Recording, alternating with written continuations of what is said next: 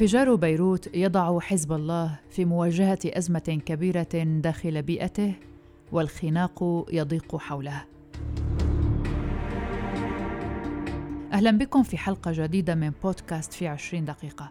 يواجه حزب الله داخل لبنان أحد أكبر تحدياته الداخلية حتى الآن حيث أدى الانفجار الهائل في ميناء بيروت في وقت سابق من هذا الشهر إلى وضع الحزب تحت مجهر اللبنانيين.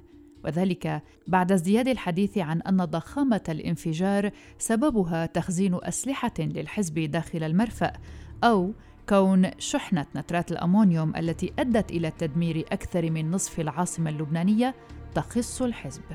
ووفقا لصحيفة واشنطن بوست فإنه حتى الساعة لا يوجد أي دليل حاسم على أن هذه المواد استخدمها حزب الله أو أنه يملكها وهي التي أدى انفجارها في الرابع من أغسطس آب إلى مقتل ما لا يقل عن 177 شخصاً وجرح أكثر من ستة آلاف آخرين. ولكن ولكونه الأقوى عسكرياً في لبنان فإن ذلك وضعه في قلب موجة الغضب العارم الذي اجتاح لبنان اعتراضاً على الطبقة السياسية الحاكمة وعلى السلاح غير الشرعي. موجة الغضب هذه وصلت إلى بيئة حزب الله بحسب الصحيفة حيث تزايد أعداد الشيعة ضمن الاحتجاجات التي شهدتها عدة مناطق وقام المتظاهرون الغاضبون ضد الفساد والإهمال بشنق دمى السياسيين وبينهم زعيم حزب الله حسن نصر الله. وكان ذلك في ساحة الشهداء وسط بيروت. أعتقد أنه قد وصلكم بعض تلك الفيديوهات. تلك كانت المرة الأولى التي يتعرض فيها لهذا السب العلني في الميادين. هلال خشان أستاذ العلوم السياسية في الجامعة الأمريكية في بيروت قال إن حزب الله في مأزق والخناق يضيق حوله وذكر أنهم لا يعرفون ماذا يفعلون وهم على علم أن المزاج السائد في لبنان لا يدعمهم حقا. نصر الله تطرق في كلمة ألقاها يوم الجمعة الفائت إلى ما أسماه الكلمات الجارحة والممارسات المؤذية ووجه تهديدات مبطنة لمنتقديه وسأل أنصاره إن كانوا غاضبين ثم قال لهم أن يتمسكوا بهذا الغضب. وأنا أقول لكم ما تهدوا أعصابكم. حافظوا على غضبكم. حافظوا على غيظكم. حافظوا على أهلكم. حافظوا عليهم. ما تكبوا عليهم مي بارده قد نحتاج هذا الغضب في يوم من الأيام. قد يأتي يوم نحتاج فيه هذا الغضب. لننهي لننهي كل محاولات جو لبنان إلى حرب أهلية. زي هذا حافظوا عليه ولكن أمسكوه واضبطوه بانتظار ذلك اليوم. هذا فسر على أنه عودة إلى زمن الاغتيالات التي شهدها لبنان واتهم الحزب بتنفيذ معظمها. نعود للواشنطن بوست وبحسب الصحيفة هذه المرة لا يقتصر الأمر على المسيحيين والسنة الذين طالما غضبوا من الحزب ودوره في تهديدهم واستخدام مناصريه للسلاح في مناطقهم بل امتد هذا الغضب إلى الشيعة أيضا وهم يشكلون بيئة الحزب ومركز ثقله ولطالما لعب الحزب على وتر هذه الطائفة. التي يبدو أن هناك من تأذى منهم بفعل الانفجار الحاصل ولكن يتم التعتيم عليهم ولا بد أن يأتي الوقت لإنتاج المزيد من الحلقات عنهم. أقصد هنا خندق الغميق والذي بدأ الإعلام اليوم بالحديث عنه وعن ما آل إليه هذا الحي بسبب تفجير مرفأ بيروت. هذه الأخبار حصلت عليها من زملاء صحفيين من لبنان. وبالعودة إلى الصحيفة فقد تحدثت الواشنطن بوست مع سيدة من الطائفة الشيعية تعيش في بلدة النبطية الجنوبية وتدعى نينا. قالت نينا إنها أم تتألم بسببهم أي بسبب الحزب وتحدثت عن الصعوبات التي تعانيها لإطعام أسرتها ورعاية أفرادها وسط الظروف الاقتصادية الصعبة وأرجعت سبب ما يحدث في بلدها لأفعالهم. لقد أثار الانهيار الاقتصادي والاجتماعي في البلاد مستوى غير مسبوق وإن كان صامتا من السخط بين الشيعة اللبنانيين ووفقا لداعم قوي سابق للجماعة الذي يعيش في الضاحية الجنوبية التي يسيطر عليها حزب الله في بيروت ولا تزال تربطه بها علاقات وثيقة. وحتى قبل الانفجار كان ثلثان الناس غاضبين وذكر رجل أنهم جائعون وليس لديهم نقود ليأكلوا أو يشتروا الدواء ومع ذلك لا يستطيع أحد أن يتذمر لأنهم يحكمون بالحديد والنار. وأكد محللون ودبلوماسيون أن حزب الله يكافح الآن للحفاظ على النفوذ الذي كونه منذ تشكيله في الثمانينيات. ومنذ ذلك الحين بنت الجماعة المسلحة المدعومة من إيران ما يرقى إلى مستوى دولة موازية قوية ولها جيشها الخاص وترسانتها المستقلة. وكثيرا ما يتباهى نصر الله بأن حزب الله وسع نفوذه ليشمل اليمن والعراق وسوريا حيث لعب مقاتلوه دورا اساسيا في ضمان بقاء النظام السوري. وفي الوقت نفسه أدخل حزب الله نفسه في السياسة اللبنانية إلى حد أن الرئاسة والبرلمان والحكومة التي أجبرت على الاستقالة الأسبوع الماضي وسط غضب شعبي كلها تقبع تحت سيطرته وبالتعاون مع حلفائه. ولا يزال حزب الله يحكم ولاءات عدد كبير من الشيعة مدعوما بشبكات المحسوبية الواسعة التي يحظى بها وتقديم الخدمات الاجتماعية التي تفوق تلك التي تقدمها الحكومة. كما تمويل هذه الشبكات والدفع لمقاتليه بالدولار وهي سلعة نادرة في لبنان هذه الأيام على حد قول ربيع طليس الناشط الشيعي والصحفي من سهل البقاع الذي تلقى تهديدات بالقتل لانتقاده الصريح للتنظيم. أشار أيضا إلى أن الشقاق الطبقي ينشأ بشكل متزايد بين من يتقاضون رواتبهم بالدولار من حزب الله وبين الشيعة العاديين الذين انهارت مكاسبهم بالليرة اللبنانية بسبب انهيار قيمة العملة المحلية وأشار إلى ارتفاع ملحوظ في الانتقادات للحزب حيث يقول الناس إن حزب الله شريك في عملية الفساد وهو أيضا حامي الفاسدين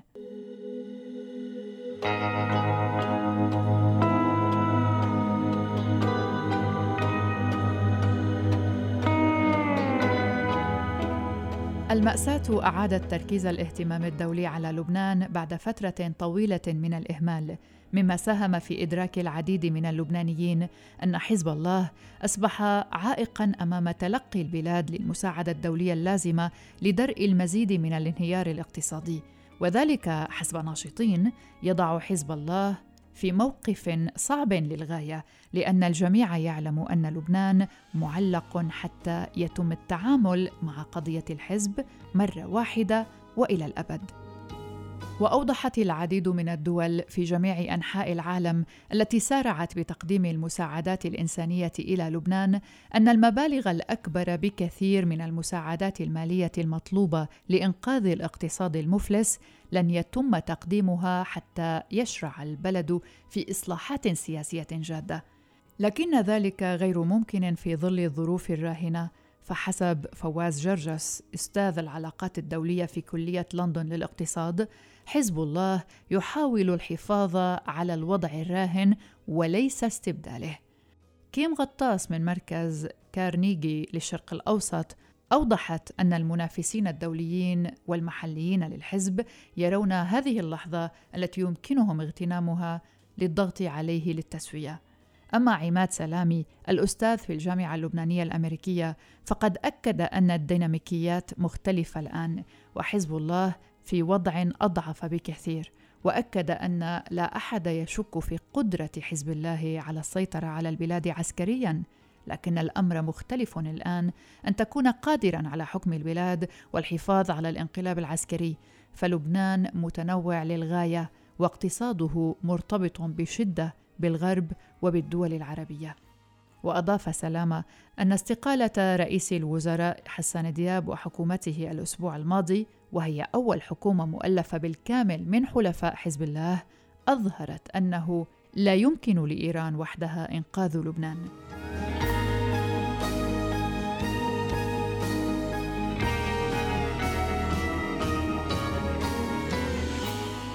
سننتقل الآن إلى الكاتب الصحفي توني بولوس والذي اعتبر في مقابلة مع أخبار الآن أن ميليشيا حزب الله ساهمت في تأخير لبنان سياسيا واقتصاديا متوقعا أن يضطر الحزب إلى تقديم تنازلات على وقع الاحتجاجات الشعبية في البلاد والظروف السيئة التي تعيشها إيران.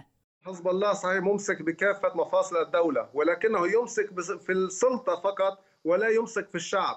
هناك انفصام كبير بين السلطة وبين الشارع والشعب. الشارع المنتفض وهناك سلطة وهذه السلطة لا تعبر عن حقيقة الشعب وعن تطلعات الشعب اللبناني. هذا الشيء رأيناه أيضا يعني الانفصام هو من المجتمع الدولي. اليوم أمام هول المساعدات اللي قادمة إلى لبنان نتيجة الانفجار. شفنا معظم دول العالم عم تتوجه لمساعدة الشعب اللبناني بشكل مباشر عبر الوكالات الخاصة وعبر الجمعيات المجتمع المدني. ليس عبر السلطة باعتبار أن هذه السلطة فاسدة وسارقة وناهبة لأموال الشعب وهي لا تعترف بها. فإذا الشعب اللبناني والمجتمع الدولي أصلا لا يعترفون بهذه السلطة التي يمسكها حزب الله. فعمليا حزب الله لا يمسك شيئا يمسك سلطة وقانون ويمسك مؤسسات ولكن هذه المؤسسات هي فارغة. آه، يتحكم ويجعل منها ستارا اماميا له ولكنها فارغة من المضمون. وتوقع بولس أن الأحداث الأخيرة ستجبر حزب الله إلى تقديم تنازلات قياسا أيضا إلى الظروف الصعبة التي تعيشها إيران كما ذكرت الداعم الأبرز للحزب. لا يستطيع حزب الله استمرار في حكم في الوقت الذي يعارضه الشعب. نحن نطالب اليوم إنه الشعب اللبناني منتفض الشارع ويتظاهر يوميا ويشتبك مع القوى الأمنية والمجتمع الدولي يقول بشكل مباشر للبنان لا يمكن أن تخرجوا من الأزمة الاقتصادية والأزمة السياسية إلا بإصلاحات جوهرية في النظام السياسي وإخراج حزب الله من الحكم. وبالتالي اليوم بات يعني حزب الله استمر هكذا سوف يسقط هو والسلطة التي يمسكها. لم يعد قادرا على الاستمرار بالسلطة وسوف يضطر أن يذهب مرغما على طاوله مفاوضات مع الافرقاء الآخرين. وهنا أعتقد أنه مضطر لتقديم تنازلات معينة قد ينتج عنها تسوية سياسية وتغيير لبنية النظام. اليوم قوة حزب الله ناجمة عن قوة إيران. حزب الله بدون إيران هو كحزب بسيط جدا يعني ليس له أي تأثير لا في لبنان ولا في المنطقة. ولكن ما نراه على العظمة والدور حزب الله الإقليمي هو معطى له من إيران تدعمه بالسلاح والمال والنفوذ الدولي وتدعمه معنويا واجتماعيا وسياسيا. لذلك نعتقد أن استكمال الحصار الدولي وواضح أن الإرادة الدولية آه، مستمرة بمحاصرة إيران ومنعها من ومحاصرة ميليشياتها في المنطقة وبالتالي حزب الله من ضمن هذه الميليشيات ولا يستطيع الاستمرار آه، بالشكل الذي هو ذاهب فيه لا هو ولا إيران وهو مضطر للذهاب باتجاه تسوية ما. وفي معرض إجابته عن أي إيجابيات رافقت إمساك حزب الله بالسلطة أكد بولس أنه من اللحظة التي تسلم فيها الحزب مقاليد السلطة فإن لبنان بات رهينة للتراجع السياسي والاقتصادي. لا يوجد أي إيجابيات آه، تسجل نتيجة سيطرة حزب الله على الحكم في لبنان. كل ما حصل من لحظة إمساك حزب الله في السلطة في لبنان هو عبارة عن سلبيات متتالية. فكلما زاد توغلا في السلطة كلما زاد انهيار وضع الشارع اللبناني والشعب اللبناني والدولة اللبنانية. فرأينا كيف عندما وصل حزب الله إلى قمة قوته وأمسك برئاسات الثلاث الجمهورية والحكومة والمجلس النيابي كيف بات لبنان دولة معزولة مارقة؟ آه، لا يوجد أي دولة أخرى تتعاطى بشكل رسمي مع الدولة اللبنانيه، رأينا الحكومة حكومة حسان دياب يعني حكومة حزب الله. كيف باتت يعني وكأنها منفصلة عن الواقع، كأنها حكومة على كوكب آخر، لا الشعب اللبناني يعترف بهذه الحكومة ولا المجتمع الدولي ولا المجتمع العربي يعترف بهذه الحكومة، فكلما آه، أمسك حزب الله بالشأن يعني بالسلطة أكثر كلما سقطت جوهر ودور لبنان. إذا الواقع الأليم الذي يعيشه لبنان هو نتاج سيطرة حزب الله على الدولة اللبنانية كما يراه الكثير من المراقبين، دون أن ننسى بطبيعة الحال أن الشعب اللبناني حمل الحزب مسؤولية الانفجار الذي حدث في المرفأ. وبعيدا عن أثر حزب الله المباشر في لبنان لا ننسى هنا أن نذكر مستمعينا بالقرارات الدولية الكثيرة ومن جهات متعددة والتي أخذت بحق الحزب وإعلانه منظمة إرهابية. فالولايات المتحدة الأمريكية إلى جانب بريطانيا وألمانيا وجامعة الدول العربية ودول بالخليج العربي يصنفون حزب الله تنظيما إرهابيا كما صنف الاتحاد الأوروبي الجناح العسكري للحزب على أنه إرهابي فقط وذلك في أعقاب هجوم على حافلة سياحية في بلغاريا عام 2012 آخر هذه التصنيفات خرج من ليتوانيا أمس السبت الخامس عشر من آب أغسطس والتي اعتبرت ميليشيات حزب الله منظمة إرهابية. وأشار البيان إلى أن هجمات ميليشيات حزب الله المدعوم من إيران على الأراضي الأمريكية وأوروبا والشرق الأوسط قد خلفت مئات القتلى وتسببت بحالة من البؤس لآلاف آخرين. وقد رحبت وزارة الخارجية الأمريكية بذلك وحثت بقية الدول الأعضاء في الاتحاد الأوروبي للوقوف في مواجهة المنظمة الإرهابية على المستويين المحلي والأوروبي وذلك بغرض وقف تمويل حزب الله ومن ثم وقف أنشطته على أراضيهم.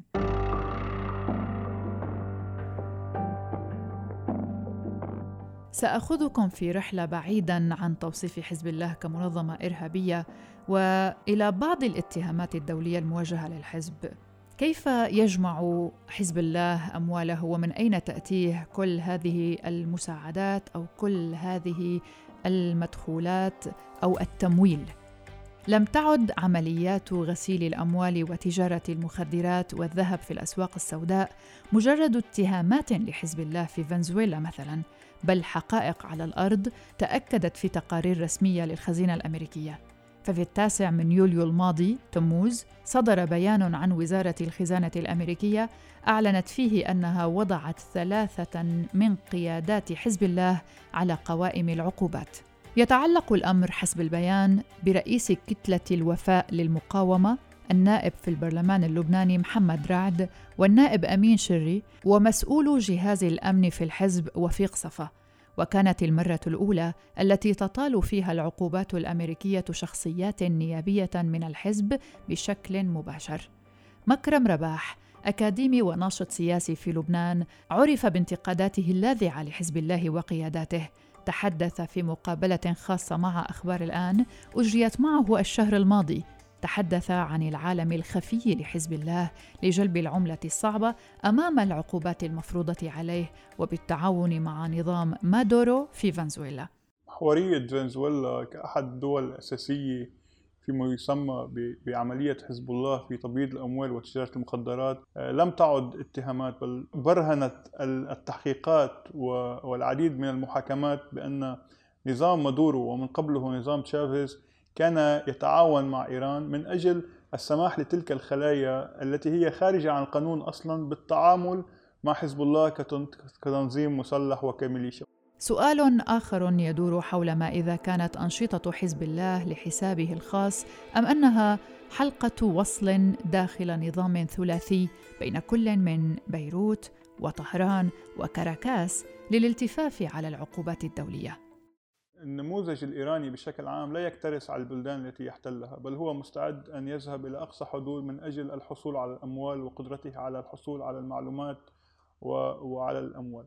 الشيء الأساسي بأن حزب الله هنا لا يتاجر بالمخدرات من أجل المخدرات إن المخدرات وهذه الشبكات الغير شرعية من الدعارة والتهريب والمخدرات هي طريقة للحصول على الأموال. ومن هنا نرى بأنه لا, لا يملك أي رادع أخلاقي ولا حتى ديني في الدخول في هذه الأشخاص في هذه الشبكات مع التعامل مع هؤلاء الأشخاص الذي لا يكونوا ايديولوجيا ينتمون إلى ولاية الفقيه ولكن حزب الله سيستمر في استعمال تلك البلدان وكل ما هو يسيطر على البلد إن كان عبر آه، مادورو وجهازه الأمني وليس هنا جهاز مادورو الأمني والمخابراتي مدعوم بشكل أساسي من كيوبا هناك أكثر من 15 ألف مقاتل وعنصر أمني موجود في آه، كنوع من حرج جمهوري لمادورو فإن حزب الله يستفيد من هذا الغطاء ويحصل على باسبورات دبلوماسية تتيح له التنقل عبر البلدان. هذه كانت حلقة جديدة من بودكاست في عشرين دقيقة من إعداد وتقديم براء صليبي ومن إخراج أمجد حمدان. شكرا لحسن الاستماع. إلى اللقاء.